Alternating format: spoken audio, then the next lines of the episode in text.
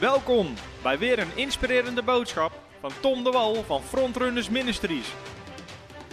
We bidden dat je via deze aflevering geïnspireerd wordt in je leven met God en opgebouwd wordt in je geloof. Oké, we gaan starten met het onderwijs voor vanavond. En zoals je de titel misschien al wel hebt gezien, gaat het over een speciaal gebed waar ik het met jullie over wil hebben. Een gebed uit het woord van God, wat mijn leven veranderd heeft. En wanneer jij dat gebed gaat bidden, zal het ook jouw leven veranderen. Dit is namelijk waar ik achter ben gekomen. In mijn wandel met God. Sowieso, bidden is goed. Ik heb een boek geschreven, bidden is ontvangen. Staat ook gratis in onze webshop, zoals al mijn boeken. Bidden is ontvangen. Als je deze nog niet hebt gelezen, ook echt een must-read. Er komen heel veel getuigenissen van terug. Plus complimenten. Laatst hoorde ik nog van een andere hele bekende spreker in Nederland. Die zei: Het is het beste boek wat ik ooit gelezen heb over gebed. Laatst een voorganger van bijna 80, die over heel de wereld gereisd heeft. Die zei hetzelfde. Beste boek wat ik ooit heb gelezen over gebed. Ik hoor van gemeentes en andere bedieningen die het boek standaard maken nu voor hun ministry teams, voor de gebedstrainingen. Omdat ze zeggen, dit is een boek wat iedere christen zou moeten lezen over gebed. Dat is de reden dat ik het heb geschreven. Het is eenvoudig, simpel, krachtig, voor iedereen toepasbaar en met universele principes uit het woord van God om je gebedsleven naar een hoger niveau te tillen. Uh, maar ik wil het vanavond gaan hebben over een gebed wat te maken heeft met wie we zijn in Christus. En ik heb namelijk ontdekt dat bidden is altijd goed, maar er zijn gebeden, wat ik noem eigenlijk bijbelse gebeden. Gebeden die in het woord van God staan, waarvan ik, ik heb ontdekt in mijn leven, als je die begint te bidden, daar zit speciale kracht in, om het zo maar te zeggen. Omdat het zijn gebeden die in Gods woord staan, dus die God ons gegeven heeft om te bidden. Dus wanneer je een gebed tegenkomt in de Bijbel, zou je kunnen zeggen dat dat een voorbeeldgebed is, wat God ons geeft om ook te bidden. Nou, in mijn nieuwe boek Supermens, waar gaat Supermens over? En natuurlijk, dat filmpje dat ik uit het dak kom vallen als een soort Superman en dit jasje, dat zijn natuurlijk grappige dingen. Ehm, maar de cover en de titel heb ik expres geschreven om mensen te triggeren.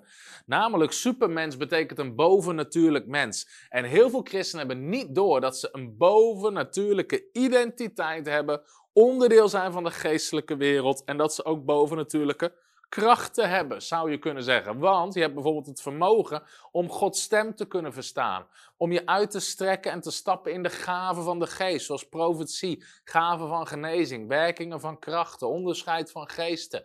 Je hebt eigenlijk allemaal bovennatuurlijke eigenschappen. Die heb je niet van jezelf, die heb je ook niet van je oude mens, van je oude natuur. Maar de Bijbel leert ons dat we wedergeboren worden, dat we in Christus geplaatst worden, vervuld worden met de Heilige Geest. En dat onze nieuwe mens, die nieuwe schepping, is een, geest, uh, is een geestelijk wezen, maar die de identiteit, de autoriteit en de kracht heeft van Jezus Christus zelf.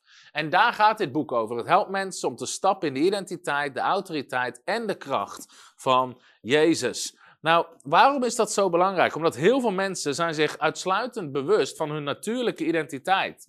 En ze wandelen niet in alles wat God voor hen heeft. En vanavond ga ik je een gebed leren Ehm, vanuit het woord van God, waar, waarmee ik wil beloven, als je dat gaat bidden, gaat je leven veranderen. Maar voordat ik dat ga doen, wil ik eigenlijk eerst iets anders laten zien. Ook waarom ik dit boek Supermens heb geschreven. En nogmaals, ik wil je gewoon allemaal aanmoedigen. Bestel het gratis in onze webshop. Als je partner wordt, krijg je het gratis. Maar we schrijven deze boeken omdat we weten dat het levens verandert. Nou, waarom zou iedereen zo'n boek als Supermens moeten lezen? Omdat maar heel weinig mensen, laat ik het zo zeggen, heel weinig mensen um, wandelen in de volle potentie wat God voor hun bestemd heeft. En soms zeggen mensen wel eens, ja, maar wat jij zegt, dat, dat is te hoog gegrepen. Bijvoorbeeld als het gaat over zieken genezen, demonen uitdrijven, woorden van kennis, zeggen ze dat dat is te hoog gegrepen. Maar ik geloof als het gaat om wie God ons gemaakt heeft in Christus, niet vanuit onze eigen identiteit, maar vanuit zijn identiteit en autoriteit en kracht, is de kans dat we de lat te laag leggen hoger dan dat we, of groter dan dat we de lat te hoog leggen. En ook Jezus denkt dat. En ik ga je een aantal teksten laten zien die als het goed is, echt gaan triggeren. En je mag even met me meegaan. Ik wil je gewoon aanmoedigen ook. Pak je Bijbel. En je mag even met me meegaan naar Johannes 14, vers 12. Johannes 14, vers 12. Daar zegt Jezus dit. Johannes 14, vers 12. Voorwaar, voorwaar. In andere woorden, voorwaar, voorwaar, dat is natuurlijk, je zou kunnen zeggen wat ouderwetse taal, maar Jezus zegt eigenlijk, let op, let op. Hij zegt, hij zegt dit twee keer, in andere woorden, nu moeten jullie goed opletten. Eigenlijk zou je kunnen zeggen, hij legt, let op, let op. Ik zeg u, Jezus maakt hier een persoonlijke belofte. Ik zeg u, wie in mij gelooft, zal de werken die ik doe ook doen. En het werken in het evangelie van Johannes staat altijd voor wonderen. Zal de wonderen die ik doe ook doen. En hij zal nog grotere doen dan deze, want ik ga heen naar mijn vader.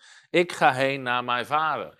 Hier zegt Jezus, let op, let op, ik zeg jullie. Weet je, hij kondigt dit zo duidelijk aan. In andere woorden, hier moet je niet overheen lezen, dit moet je niet vergeten. Wie in mij gelooft. Nou, vraag jezelf even af. Geloof je in Jezus? En als je in Jezus gelooft, kan je typen in de reacties: Ik geloof in Jezus. Want jij zegt: Wie in mij gelooft.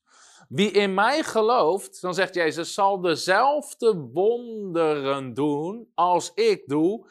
En nog grotere, want, zegt Jezus, ik ga naar de Vader. Maar als je het hoofdstuk verder leest, zegt Jezus: Ik ga naar de Vader, maar ik zal jullie de Heilige Geest geven. Dus Jezus zegt: Ik ga jullie mijn Heilige Geest, de Heilige Geest van God, ga ik geven. En nu gaan jullie dezelfde wonderen doen als ik doe en nog grotere. Nou, als je hierover spreekt, en misschien wel in 90, 95, misschien wel in 99 procent van de kerken, zullen de meeste mensen zeggen: Ja, maar dat kan niet. Ja, maar dat kan niet. Nee, nee, nee, zo moet je dat niet lezen. Zo moet je dat niet uitleggen. En ze verzinnen een of ander excuus. Alleen het ding is, je kan hier niet omheen. Jezus zegt, wie in mij gelooft, zal dezelfde wonderen doen. Sommige mensen zeggen, ja, maar dat was alleen voor de apostelen. Daarom laat ik in het eind van het boek Supermens, heb ik een bijlage, omdat die leer dat het alleen voor apostelen was, heet het cessationisme, dat het opgehouden is te bestaan. In, in bijlage aan het eind van het boek laat ik zien dat dat onzin is wat die mensen geloven. Maar Jezus zegt gewoon wie in mij gelooft. Hij zegt niet deze apostelen of alleen de twaalf of alleen Paulus. Nee, wie in mij gelooft, die zal dezelfde wonderen doen als ik en nog grotere. Nou, het is niet. Um, dit is niet de enige tekst die hierover gaat. Drie hoofdstukken verder, in Johannes 17, vers 7. Um, ehm, Johannes 17, vers. Even kijken hoor. Vers. 17 is het misschien. Even kijken hoor. Ik pak hem er even bij, ja, mijn boek. Johannes 17, vers 18. Daar zegt Jezus dit. Zoals u mij de wereld ingezonden heeft. Zoals u mij de wereld ingezonden heeft, heb ik ook hen de wereld ingezonden. Heb ik ook hen de wereld ingezonden. Hou de Bijbel maar even erop. Dat is Johannes 17, vers 18. Zoals Jezus de wereld ingezonden is, zo ben jij de wereld ingezonden. En dan zegt Jezus in Johannes 20, vers 21, daar zegt Jezus dit. Jezus zei opnieuw tegen hen. Vrede zij u, zoals de Vader mij gezonden heeft, zend ik ook u. Zend ik ook u. Dus hier zie je een aantal teksten die zeggen dat wij horen dezelfde wonderen te doen als Jezus deed. Zoals Jezus de wereld in is gezonden, zo zijn wij de wereld. Zo zendt Jezus ons de wereld in. Zo geeft Jezus ons de opdracht mee. En Jezus verwacht in feite dat we gedeeltelijk hetzelfde doen als Hij deed. Niet dat wij hoeven te sterven aan een kruis voor de zonde van de wereld. Dat heeft Hij gedaan. Wij hoeven de Heilige Geest niet uit te storten. Dat heeft Hij gedaan. Maar Jezus verwacht wel de werken die Hij deed. Het prediken van het evangelie. Het genezen van zieken. Het uitdrijven van demonen, bovennatuurlijke dingen, dat die normaal horen te zijn in het leven van een christen. En daarom zeg ik, je bent een supermens. In Marcus 16, vers 17, sommige mensen zullen deze tekst kennen, maar als je deze tekst eenmaal ziet, weet je, dat hoort iets te veranderen in je leven. Dat hoort geen informatie te zijn, dat hoort iets te veranderen. En we gaan zo meteen naar het gebed toe. Je kan trouwens de uitzending delen als je wil, via Facebook. Er staat dit in Marcus 16, vers 17. En hen die geloofd zullen hebben. En hen die geloofd zullen hebben. De andere vertaling zegt, en de gelovigen zullen deze tekenen volgen. In mijn naam, namens Jezus. Namens Jezus. Even wachten. Jezus zei net, zoals de Vader mij heeft gezonden, zo zend ik jullie. Zag je dat? Johannes 17, vers 18, Johannes 20, vers 21. Zoals de Vader mij heeft gezonden, de Vader zond Jezus de wereld in. Al zo lief had God de wereld, dat hij gaf zijn enige geboren zoon, hij zond hem de wereld in. Zo zegt Jezus, nu zend ik zo jullie de wereld in. Maar je hoeft het niet te doen in eigen kracht. Je hebt de kracht van de Heilige Geest. En je hebt de naam van Jezus Christus. Want Jezus zegt hier: In mijn naam. In andere woorden, namens mij. Jezus heeft ons gezonden. Jezus heeft ons de opdracht gegeven. Je doet dit niet omdat het jou een goed idee lijkt. En sommige mensen gaan ermee om, alsof het een suggestie is. Maar jij zegt nee, voorwaar, voorwaar, ik zeg u, wie in mij, weet je, de gelovigen, wie in mij gelooft, zullen de volgende tekenen. We doen het in zijn naam. Hij heeft ons gezonden. In mijn naam, namens Jezus, zullen zij demonen uitdrijven. Demonen uitdrijven hoort normaal te zijn in je leven. Dat je andere mensen bevrijdt. In vreemde talen, in tongentaal zullen zij spreken. Daar gaat mijn boek over. 50 redenen om te spreken in tongentaal. Kan je ook gratis bestellen in onze webshop. In vreemde talen zullen zij spreken. Slangen zullen zij oppakken. En als ze iets dodelijks drinken, zal het hen beslist niet schaden. In andere woorden, het spreekt over bovennatuurlijke bescherming. Zoals de apostel Paulus bovennatuurlijk beschermd was. Lees bijvoorbeeld in Handelingen dat de slang hem beet, maar het deed hem niks. En op zieken zullen zij de handen leggen en ze zullen gezond worden. In andere woorden, ze zullen zieken genezen.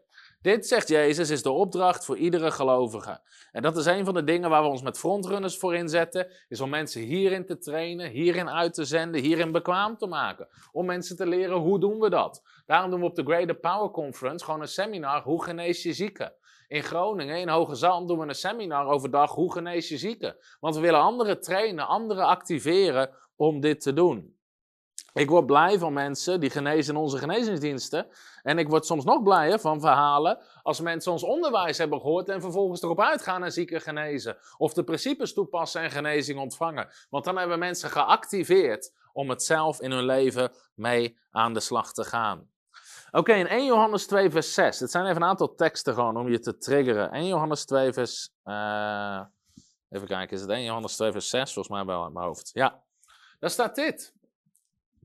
Wie zegt in Hem te blijven, wie zegt in Jezus te blijven, moet ook zelf zo wandelen zoals Hij gewandeld heeft.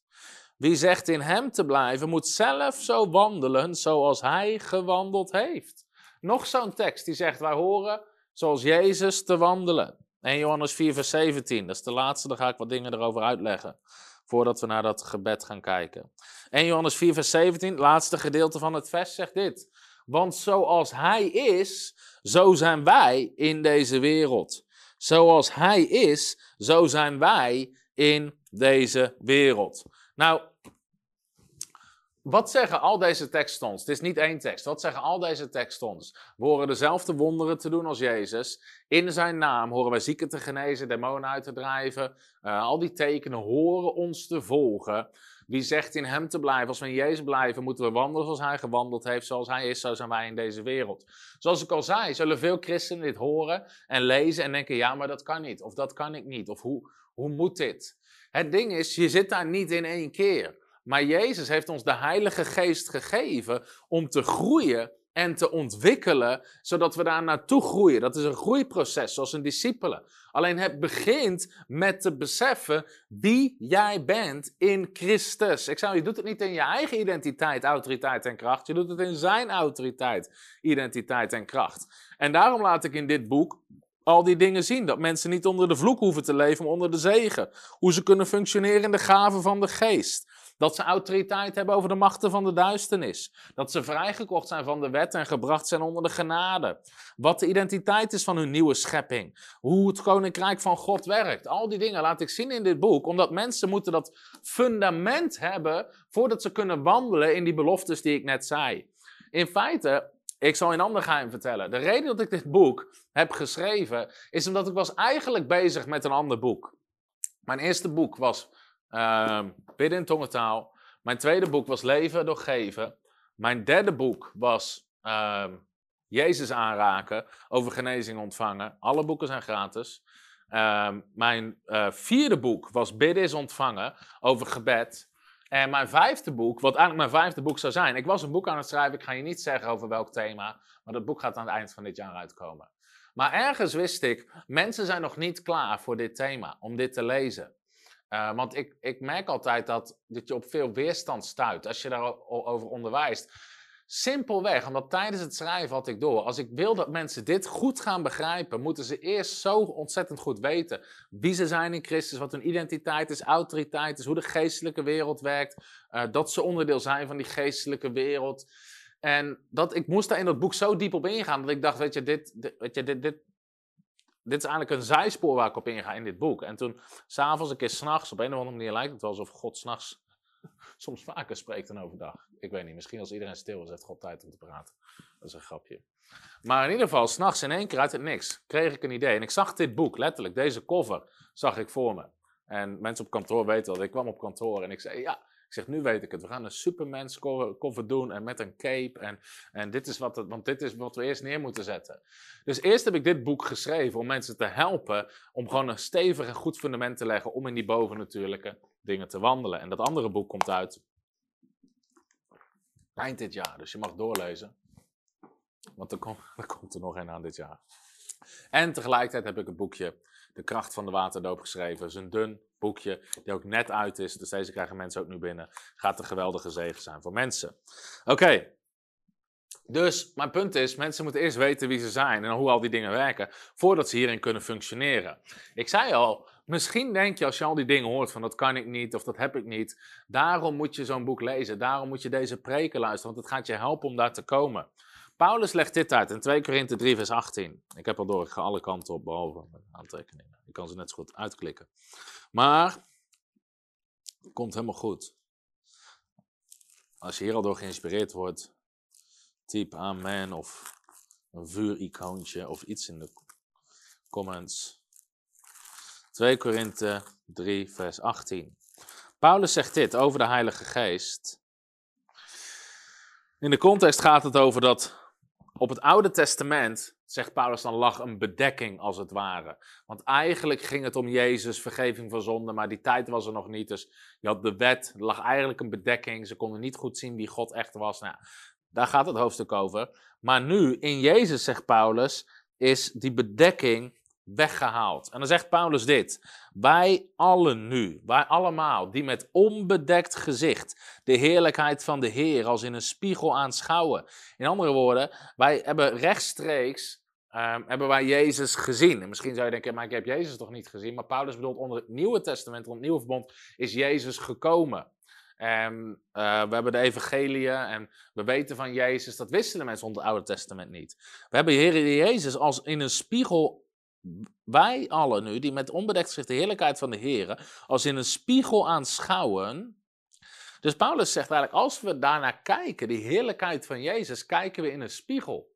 En die reflectie die we zien, is in één keer, we zien ook onszelf. Worden van gedaante veranderd naar hetzelfde beeld. Van heerlijkheid tot heerlijkheid, zoals dit door de geest van de Heer bewerkt wordt. Oké, dit is het ding. Jezus is gekomen en je zou bijna oneerbiedig kunnen zeggen, Jezus was het prototype. De Bijbel noemt Jezus de eersteling. Hij was de eerste van de nieuwe schepping. Hij was Gods enig geboren zoon, maar wij zijn opnieuw geboren zonen en dochters van God. En Jezus zei, wie in mij gelooft, zal hetzelfde doen. Jezus zei, wie in mij gelooft, uh, uh, zal deze wonderen zal die volgen. Jezus deed het voor voor ons. En nogmaals, natuurlijk, Jezus was de zoon van God, die stierf aan het kruis, dat zijn wij allemaal niet. Maar Jezus liet wel zien wat een mens vervuld met de kracht van de Heilige Geest kan doen. En wij zijn in Christus opnieuw geboren, hebben vergeving ontvangen, rechtvaardiging ontvangen, de Heilige Geest ontvangen. En nu als we kijken naar Jezus, zegt, hé, hey, ik wil dat je bewust bent, ik wil jou uitdagen om op zo'nzelfde manier te gaan leven. En Paulus zegt, als we nu naar Jezus kijken, is het alsof we in een spiegel kijken. We kijken naar Jezus, maar wanneer we naar Jezus kijken, beseffen we ook dat we zien waar God ons voor geroepen heeft. Wat God van ons verlangt, wat God van ons verwacht. Voor sommige mensen zullen zeggen: dit is spotterij. Um, dit, dit, dit kan je niet zeggen. Maar kijk naar de wonderen van Jezus. Ik denk dat ik dat ook zeg in dit boek. Ieder wonder wat Jezus doet, daagt hij zijn discipelen uit om hetzelfde te doen. Bij ieder wonder, geen uitzondering. Jezus genas de zieken. Jezus zegt tegen zijn discipelen, Matthäus 10 vers 8, Marcus 16 vers 17, genees de zieken. Jezus dreef demonen uit. Hij zegt tegen ons, drijf demonen uit. In Matthäus 17 lezen we over de maanzieke jongen die een demon had en de discipelen konden hem niet genezen. Dan brengen ze hem bij Jezus, die vader brengt hem bij Jezus en de discipelen vragen achteraf, want Jezus geneest hem wel. Waarom konden wij hem niet genezen? Dan, maar Jezus zegt, hij zegt vlak daarvoor, zegt hij, als die vader zegt, heer, ik heb hem bij uw discipelen ze konden hem niet genezen. Zegt Jezus, hoe lang moet ik het nog voordoen? Hoe lang moet ik jullie nog verdragen? Breng hem hier bij mij. En Jezus doet het wel. En dan vragen de discipelen, waarom konden wij hem niet genezen? En dan zegt Jezus niet, omdat jullie niet de zoon van God zijn. Hij zegt, het ligt aan jullie ongeloof. En je moet een levensstijl gaan hebben van bidden en vasten voor meer van de kracht van God. Want het hoort bij jou ook te gebeuren. Dus bij demonen uitdrijven. Jezus liep op water, maar Petrus liep ook op water. In opdracht van Jezus. En toen die zakte, lag het niet aan het feit dat hij niet de zoon van God was. Hij lag aan het feit dat Jezus zegt, kleingelovige, waarom heb je getwijfeld? Bij de voedselvermenigvuldiging. Jezus zegt tegen Filippus, geeft gij hun te eten. Bij al die wonderen daagt Jezus zijn discipelen uit om hetzelfde te doen. Jezus vervloekt de vijgenboom, die vijgenboom verdort. Petrus zegt, Marcus hoofdstuk 11, vers 12, vers 20, Heer, de vijgenboom die u vervloekt hebt is verdord. Jezus zegt, Petrus, heb geloof in God. Want voorwaar ik zeg u, wie tegen deze berg zal zeggen, wordt opgeheven in de zee geworpen. Niet zal twijfelen in zijn hart, maar zal geloven dat wat hij zegt gebeuren zal, het zal gebeuren wat hij zegt. Jezus zegt, Petrus, als jij geloof hebt in God, kan je precies hetzelfde doen. Dat is wat Jezus constant zijn discipelen uitdaagt, bij alle wonderen die hij deed. Jezus wekt de doden op, Jezus geeft ons de opdracht, wek doden op. Dit is het punt. Ook over dit boek en over deze opdracht. Wij worden veranderd naar hetzelfde beeld. Alleen we moeten eerst een juist beeld hebben van Jezus. We moeten weten, Jezus roept ons om hetzelfde te doen. Dan kunnen we zijn leven bestuderen en kunnen we hem nadoen, kunnen we hem navolgen. Als je succes wil in genezingsbediening, als je succes wil in bevrijdingsbediening, wie moet je bestuderen? Jezus. Jezus. Sommige mensen vragen, hoe heb je het geleerd met genezing? Hoe heb je het ik heb ieder verhaal wanneer, waar Jezus een zieke geneest. Niet één keer gelezen, niet twee keer, niet tien keer, dertig keer, veertig keer, vijftig keer. Toen ik nog thuis woonde, ik had een aparte Bijbel gekocht. En sommige mensen zullen dit misschien niet handig vinden. Ik had een aparte Bijbel gekocht om uit te knippen alle genezingswonderen en op te plakken op mijn whiteboard. Te kijken, hoe doet Jezus het? Waar zitten de gelijkenissen? Die teksten onder elkaar zetten, bestuderen. Omdat ik wist, als Jezus mij roept om hetzelfde te doen, moet ik ook weten hoe hij het doet. Ik moet hem nadoen. En dan zie je als het gaat om hoe Jezus zieken geneest, dat Jezus bidt nooit voor een zieke. In heel veel kerken bidden ze voor zieken. Vader God, we brengen deze man voor uw troon. Heer, u weet hoe lang hij het al heeft. En ze beginnen een heel verhaal. Jezus doet dat nergens. Jezus zei, genees zieken. Hij legde handen op zieken. Hij stak of zijn vingers in hun oren. Hij legde, zijn, hij legde zijn handen op ze en hij gaf een opdracht. Hij zei, word ziende, wees gezond. Hij bestrafte de koorts. Dus van Jezus leer je hoe je het moet doen. Van Jezus leer je hoe je het moet doen. Hoe meer succesvol je wil zijn in die dingen, hoe dichter je bij Jezus wil raken. Want Hij is ons voorbeeld. En nu, zegt de Bijbel, wij allen die met onbedekt gezicht de heerlijkheid van de Heer als in de spiegel aanschouwen, worden van gedaante veranderd naar hetzelfde beeld. Van heerlijkheid tot heerlijkheid. Dus je wordt veranderd naar dat beeld. Dat is een proces. Je begint daar niet. Je moet gewoon ergens beginnen. Je moet ergens voor het eerst voor een zieke gaan bidden, demonen uitdrijven, al die dingen meer. Maar terwijl je dat doet en terwijl je blijft leren en terwijl je naar Jezus blijft kijken. Zoals Hebreeën hoofdstuk 12 vers 1 zegt, hou je ogen gericht op Jezus, de leidsman en de verleider van het geloof. Je blijft kijken naar Jezus. Terwijl je dat doet, word je veranderd naar hetzelfde beeld. Van heerlijkheid tot heerlijkheid. Zoals dit door de geest van de Heer bewerkt wordt. Dus de geest gaat in ons aan de slag om ons steeds meer op Jezus te laten lijken. Dat is het werk van de Heilige Geest in ons leven. De Geest gaat in ons aan de slag om ons steeds meer op Jezus te laten lijken. En ook als ik kijk naar mijn eigen leven. Ik zit nog niet waar ik wil zitten, maar ik zit zeker niet meer waar ik begonnen ben. Toen ik net begonnen was met zieken genezen, was het spannend. En, en in ieder geval vandaag de dag hebben we zoveel meer resultaat. Heel vaak, ook afgelopen zondag in de genezingsdienst, genezen er al mensen voordat we überhaupt voor ze bidden.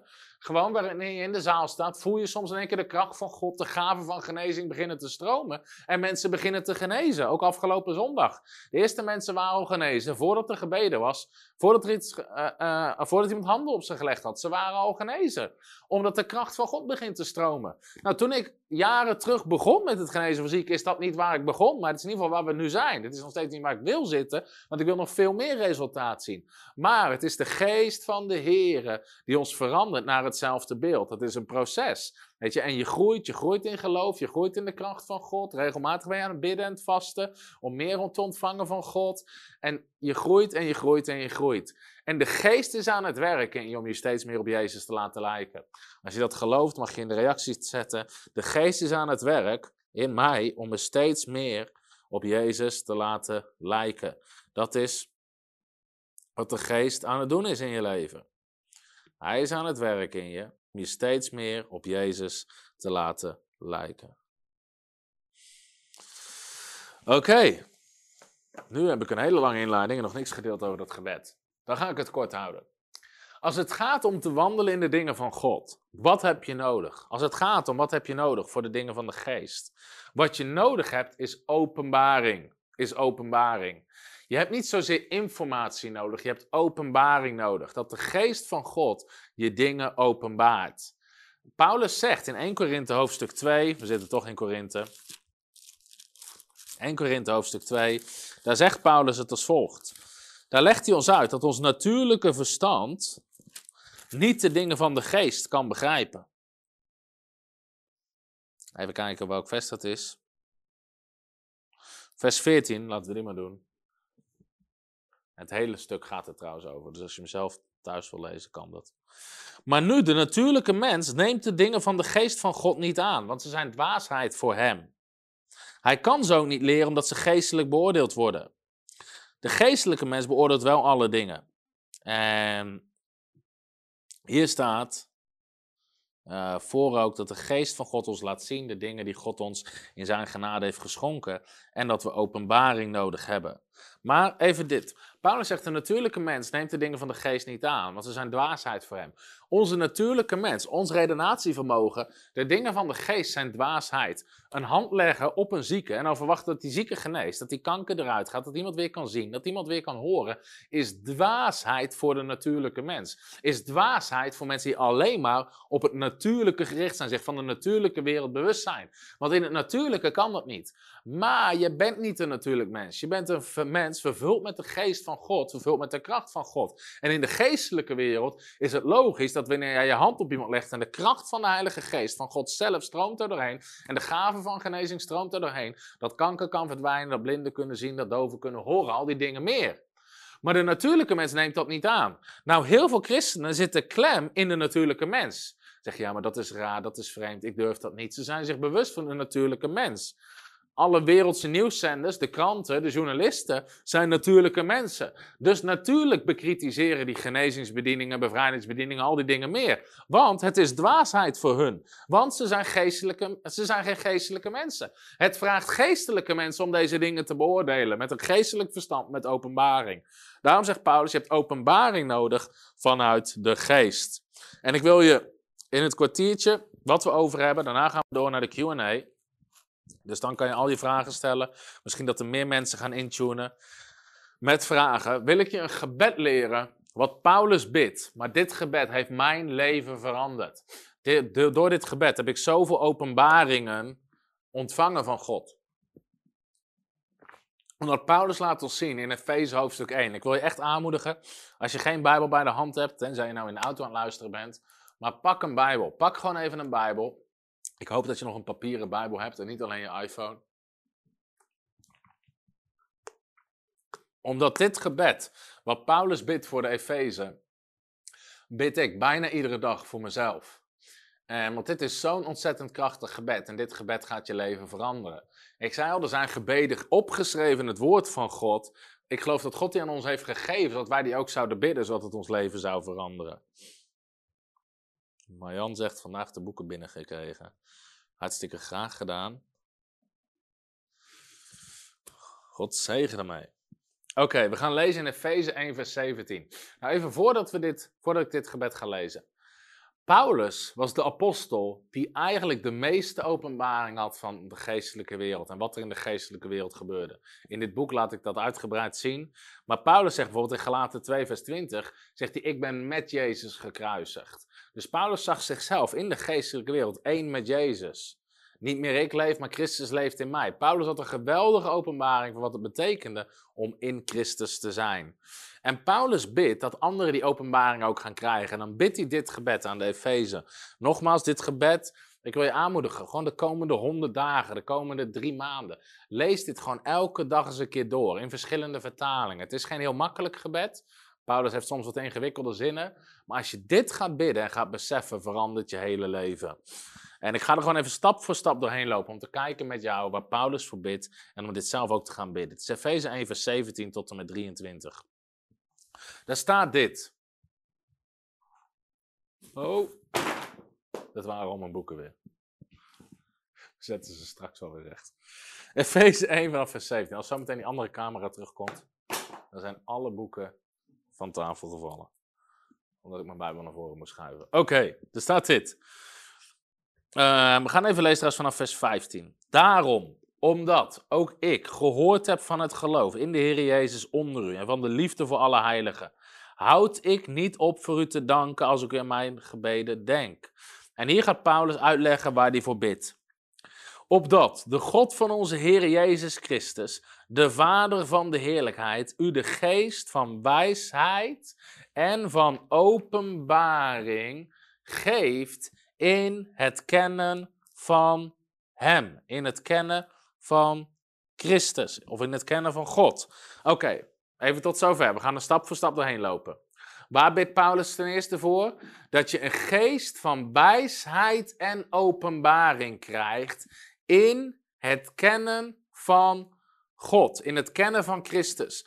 Om de diepte van God te leren kennen, heb je nodig een geest van wijsheid en openbaring. De Heilige Geest die jou inzicht en openbaring geeft in die geestelijke dingen. Dus ik wil je aanmoedigen, iedere dag bid gewoon in je gebed, Vader, ik vraag u vandaag weer om een geest van wijsheid en openbaring in het kennen van u. Wie wilde meer wijsheid om God te kennen? Om God beter te leren kennen. Wie wilde meer openbaring over God en over het evangelie? Als je dat wil, dan typ je, ik wil dat. Maar dan kan je dus bidden, ik bid Vader vandaag voor een geest van wijsheid en een geest van openbaring in het kennen van U. In het begrijpen van U. In het begrijpen van uw evangelie. En Paulus gaat vervolgens gaat hij verder met zijn gebed. Want daarna zegt hij in vers 18, daar zegt hij, namelijk, namelijk, hij gaat verder uitleggen waar hij voor bidt. Ik bid voor een geest van wijsheid en openbaring in het kennen van hem. Namelijk, verlichte ogen van uw verstand. Verlichte ogen van uw verstand. Even zo, tot zover. Verlichte ogen van uw verstand. Nou, dat woord verstand in het Grieks is eigenlijk hart. Andere vertalingen vertalen het ook als verlichte ogen van uw hart. Nou, ons hart, ons, gewoon, ons natuurlijke hart, heeft natuurlijk geen ogen. Dus Paulus bedoelt van je innerlijke mens, in andere woorden van je wedergeboren geest. Jouw wedergeboren geest heeft zintuigen, heeft ogen, heeft geestelijke ogen. Paulus zegt, ik bid voor verlichte ogen van je wedergeboren geest. Waarvoor staat licht in de Bijbel? Licht staat voor openbaring. Als je, tegenwoordig hebt, iedereen heeft bijna een zaklamp bij de hand. Kijk. Iedereen heeft een zaklamp bij de hand.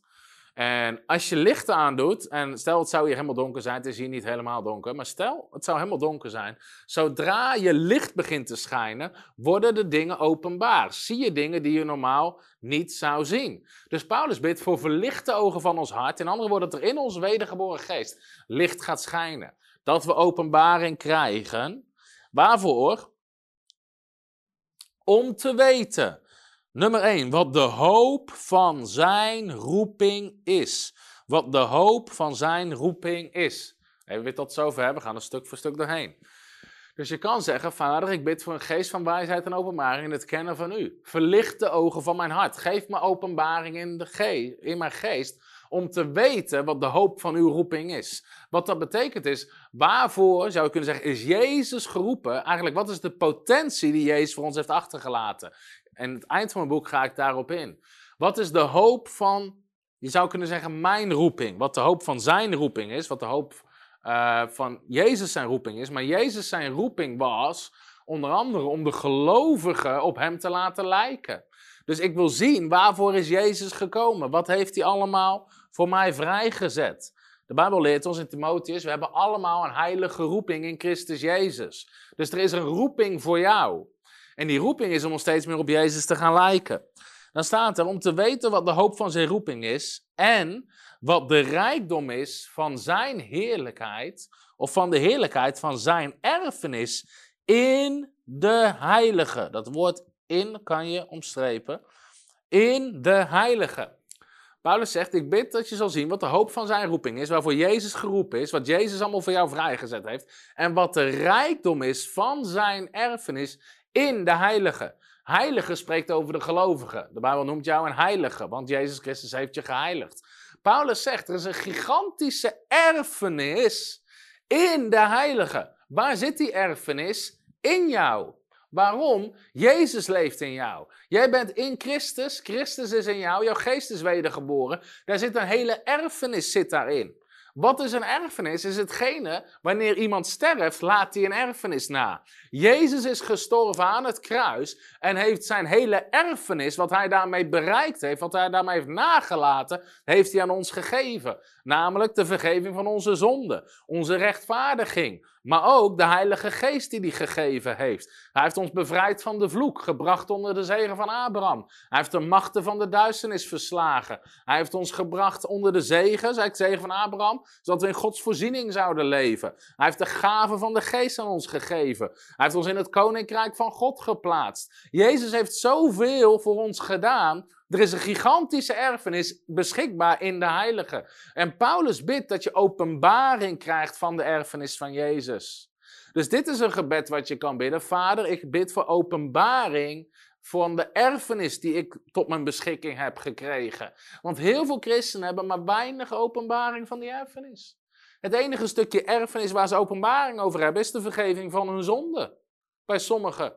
Of misschien ook dat ze de Heilige Geest hebben ontvangen. Maar dat is het. Ze zijn zich helemaal niet bewust dat ze bevrijd zijn van de vloek. Ze leven over, onder allerlei gevolgen van de vloek. En zijn zich daar niet bewust van. Ze zijn zich niet bewust dat ze gebracht zijn onder genade. Dat ze kunnen functioneren in de gaven van de Geest. Dat ze kunnen leven in de voorziening en voorspoed van God. Dat ze Gods stem kunnen verstaan. Dat ze kunnen wandelen in genezing en gezondheid. Dat ze onder de machten van de duisternis, dat ze daar niet onder hoeven te leven, maar dat ze erover kunnen triomferen. Dat zijn allemaal gevolgen van die erfenis.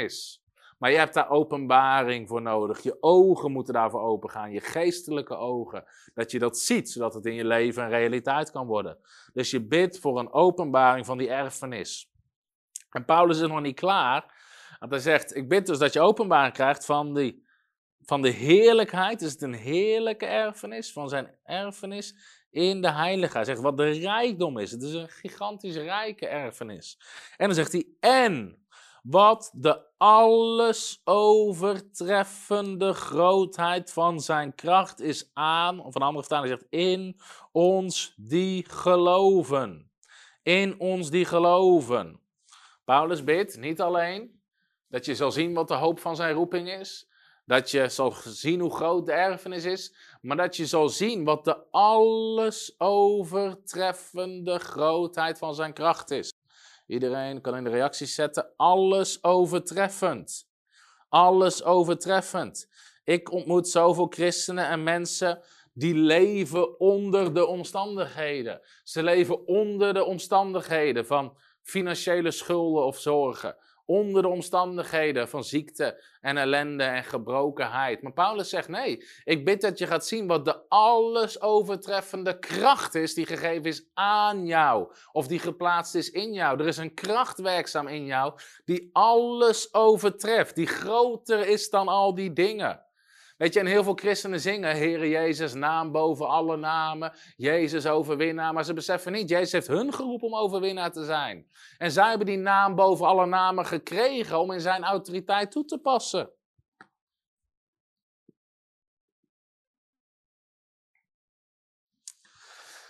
Ik ga straks vragen beantwoorden. En wat de alles overtreffende grootheid is van zijn kracht aan ons die geloven. Dan gaat Paulus uitleggen over welke kracht hij het heeft. Overeenkomstig de werking van de sterkte van zijn macht. Nou wordt een beetje een moeilijke Pauluszin. Maar Paulus zegt, net zoals de macht die hij gewerkt heeft in Christus toen hij hem uit de doden opwekte en aan zijn rechterhand zette in de hemelse gewesten. Dezelfde kracht die Jezus opwekte uit de dood en aan de rechterhand van God zette in de hemelse gewesten, is nu aan ons gegeven. Jezus is daar geplaatst ver boven alle overheid. Iedereen zit in de reacties ver boven alle overheid. Weet je, soms komen mensen naar mij toe ja, pas op, want in dit gebied zit een Izebel-geest. Pas op, want in dit gebied zijn satanisten actief. Pas op, want in dit gebied zit echt een geest van religie. Weet je waar dat ding zit? Ver onder je voeten. Ik zeg altijd, Jezus heeft de duivel zo ver naar beneden getrapt. Dan moet men een verre kijken, kijken waar hij met me heen heeft getrapt. Jezus zegt hier, Paulus bidt hier, dat jij gaat zien dat je in Christus Jezus ver boven alle overheid en macht en kracht en heerschappij en elke naam die genoemd wordt. Niet alleen in deze wereld, maar ook in de komende wereld. Diezelfde macht, zegt Paulus, is werkzaam in ons. En dan zegt hij, en hij heeft alle dingen aan zijn voeten onderworpen.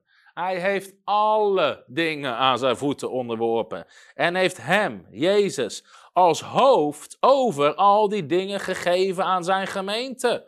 Hier zie je, de gemeente hoort in die autoriteit te wandelen. Hij heeft alles aan zijn voeten onderworpen. Hij is verheven ver boven alle overheid en kracht. En nu is hij als hoofd gegeven over al die dingen aan de gemeente. En dan staat er dit, en nogmaals in mijn boek ga ik hier veel dieper op in, maar die zijn lichaam is wij zijn het lichaam van Jezus op aarde. Wij zijn zijn handen. Wij zijn zijn voeten. Wij moeten dat uitvoeren.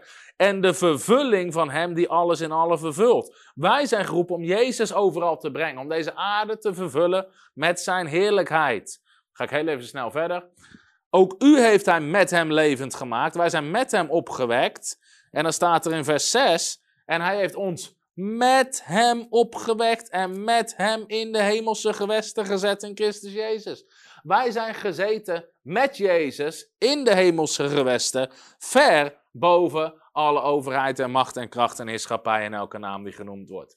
Christenen horen niet onder de indruk te zijn, niet van de duivel, niet van satanisten, niet van Isabel, niet van een octopusgeest, niet van voodoo, niet van dit, niet van dat. Jij bent gezeten met Christus ver boven alle overheid en macht en kracht en heerschappij en elke naam die genoemd wordt. De alles overtreffende kracht is gegeven aan jou. De rijkdom van de erfenis heb je in je en je bent geroepen om te wandelen in de roeping die hij voor je leven heeft. En Paulus bidt dat je dat gaat zien, dat je daar openbaring van krijgt. Paulus leefde niet onder de omstandigheden, Paulus leefde boven de omstandigheden. Paulus bracht het koninkrijk van God. Hij was krachtig. Het hele boek Handelingen staat vol met wonderen en tekenen en bovennatuurlijke dingen. Dit is wat Paulus voorbidt, dat christenen dit gaan beseffen, dat ze dit gaan zien. Dus ik wil je ook aanmoedigen om datzelfde gebed te bidden. Vader, ik bid voor een geest van wijsheid en openbaring in het kennen van u. Heer, dat de ogen van mijn geest verlicht worden. Dat ik openbaring zou hebben, dat mijn geestelijke ogen zullen zien. Heer, waar u mij voor geroepen hebt en waar u voor geroepen bent. Wat u in mijn leven wil doen, wat mijn roeping is. Wat u van mij verwacht. Heer, dat wil ik zien. Ik wil zien hoe groot de erfenis is. Ik wil niks missen van waar u voor gestorven bent. Ik wil alles ontvangen. Laat het me zien. Geef me openbaring over ieder aspect van de erfenis. Laat me zien de alles overtreffende grootheid van uw kracht die werkzaam is in mij, Heer. Ik wil daarin wandelen, net zoals de kracht die Jezus deed opstaan uit de dood. Die kracht wil ik zien werken in mijn leven. En net zoals u gezeten bent, ver boven alle overheden en machten en krachten en heerschappij. Dat is wat ik wil ervaren, want ik ben onderdeel van uw lichaam en geroepen om alles te vervullen hier op aarde met Jezus. Dat moet je gebed zijn. En wanneer dat je gebed wordt, dan krijg je in één keer openbaring over al die aspecten van het evangelie. En dan ga je zien hoe gigantisch groot de rijkdom is. En dat is eigenlijk het gebed wat ik met je wilde delen, waarvan ik je wil aanmoedigen om dat gewoon iedere dag te bidden, waarvan ik je kan beloven dat wanneer je dat gaat doen, dat je leven gaat veranderen. Nogmaals, voor de mensen die misschien later zijn ingetuned, in mijn nieuwe boek Supermens ga ik hier veel dieper op in. Laat ik zien wat allemaal onderdeel is van die erfenis, hoe dat precies werkt. Het is gratis te bestellen in onze webshop. Maar de reden dat ik dit boek heb geschreven is omdat ik wil dat christenen in een erfenis gaan wandelen. Dat ze gaan wandelen in identiteit. Dat ze gaan wandelen in de kracht die God voor ons heeft. Weet je, ik wil niet dat we er later in de hemel achter komen. Oh, God had zoveel meer. En dat God zegt, waarom hebben jullie het niet gebruikt? En dan zeggen mensen, maar we wisten het niet.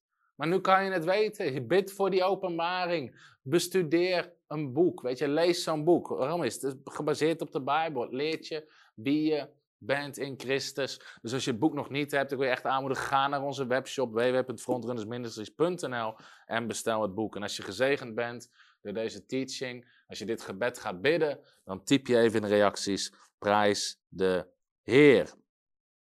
Amen. Oké, zometeen gaan we door naar de Q&A, want de mensen van de Q&A gaan tot die tijd uh, intunen. Um, um, tot die tijd wil ik even de gelegenheid, ik wil je gewoon de gelegenheid geven om te geven. Ben je gezegend door onze bediening? Ik wil je van harte uitnodigen als je nog geen partner bent, word partner. Help met onze bediening. Je kan de QR-code scannen.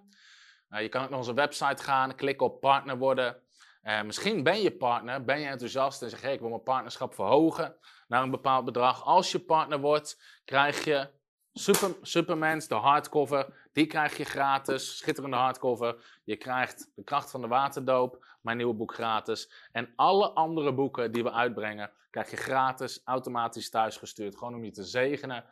Uh, als er geen corona is, doen we regelmatig partnerbijeenkomsten. Um, ook gewoon om mensen te bemoedigen. Uh, en daar te zegenen. Ook soms andere bedieningen die daarbij aansluiten. Uh, en als je partner bent voor 15 euro of meer, kan je al onze bijbelscholen kan je gewoon volgen op www.bijbelschool.tv. Dus dat is ook een enorme zegen. Ik zie heel veel mensen die prijs de Heer typen. En, uh, dus ik wil je van harte uitnodigen om dat te doen, als je dat niet bent, en ons te helpen en mee te bouwen aan het Koninkrijk van God. En zoveel mensen te leren wat hun erfenis is, hun identiteit en hun kracht is. Of misschien kan je een eenmalige gift geven. We zijn momenteel bezig, we staan in geloof voor een nieuw gebouw. We geloven dat God ons gaat leiden naar een nieuw gebouw. En, um, dus je kan ook naar onze website gaan, eenmalige gift geven, misschien een grotere gift geven voor het nieuwe gebouw. We geloven dat God de deuren gaat openen, dat er geld en voorziening komt, zodat we ook, weet je, we willen zoveel mensen willen komen naar de genezingsdiensten en bevrijdingsdiensten. En het pand waar we nu zitten, kunnen we het gewoon niet aan. Plus dat we in 2022 een voltijdschool willen starten, om mensen te trainen, om kerken te stichten, bedieningen te starten, te gaan wandelen in een roeping. Dus we hebben ook klaslokalen voor nodig die we hier niet hebben. Uh, en onze kantoorplekken zitten vol. Dus we staan in geloof voor een nieuw gebouw. Dus als je daar mee wil helpen, kan je dat ook doen. Amen. Hallo, Tom de Wol hier en bedankt dat je weer geluisterd hebt naar onze podcast. Ik bid dat het je geloof gebouwd heeft en je bemoedigd bent. Als je niet alleen een luisteraar van onze boodschap wil zijn, maar ook een verspreider daarvan, wil ik je uitnodigen om partner te worden van Frontrunners. Door jouw maandelijkse donatie help je ons om dit evangelie van Jezus Christus en het woord van God over heel de aarde te brengen. Om partner te worden ga naar www.frontrunnersministries.nl slash partners en word partner. Hartelijk bedankt en tot snel. Heb je ook zo genoten van deze inspirerende boodschap van Tom de Wal? Abonneer je dan op deze podcast.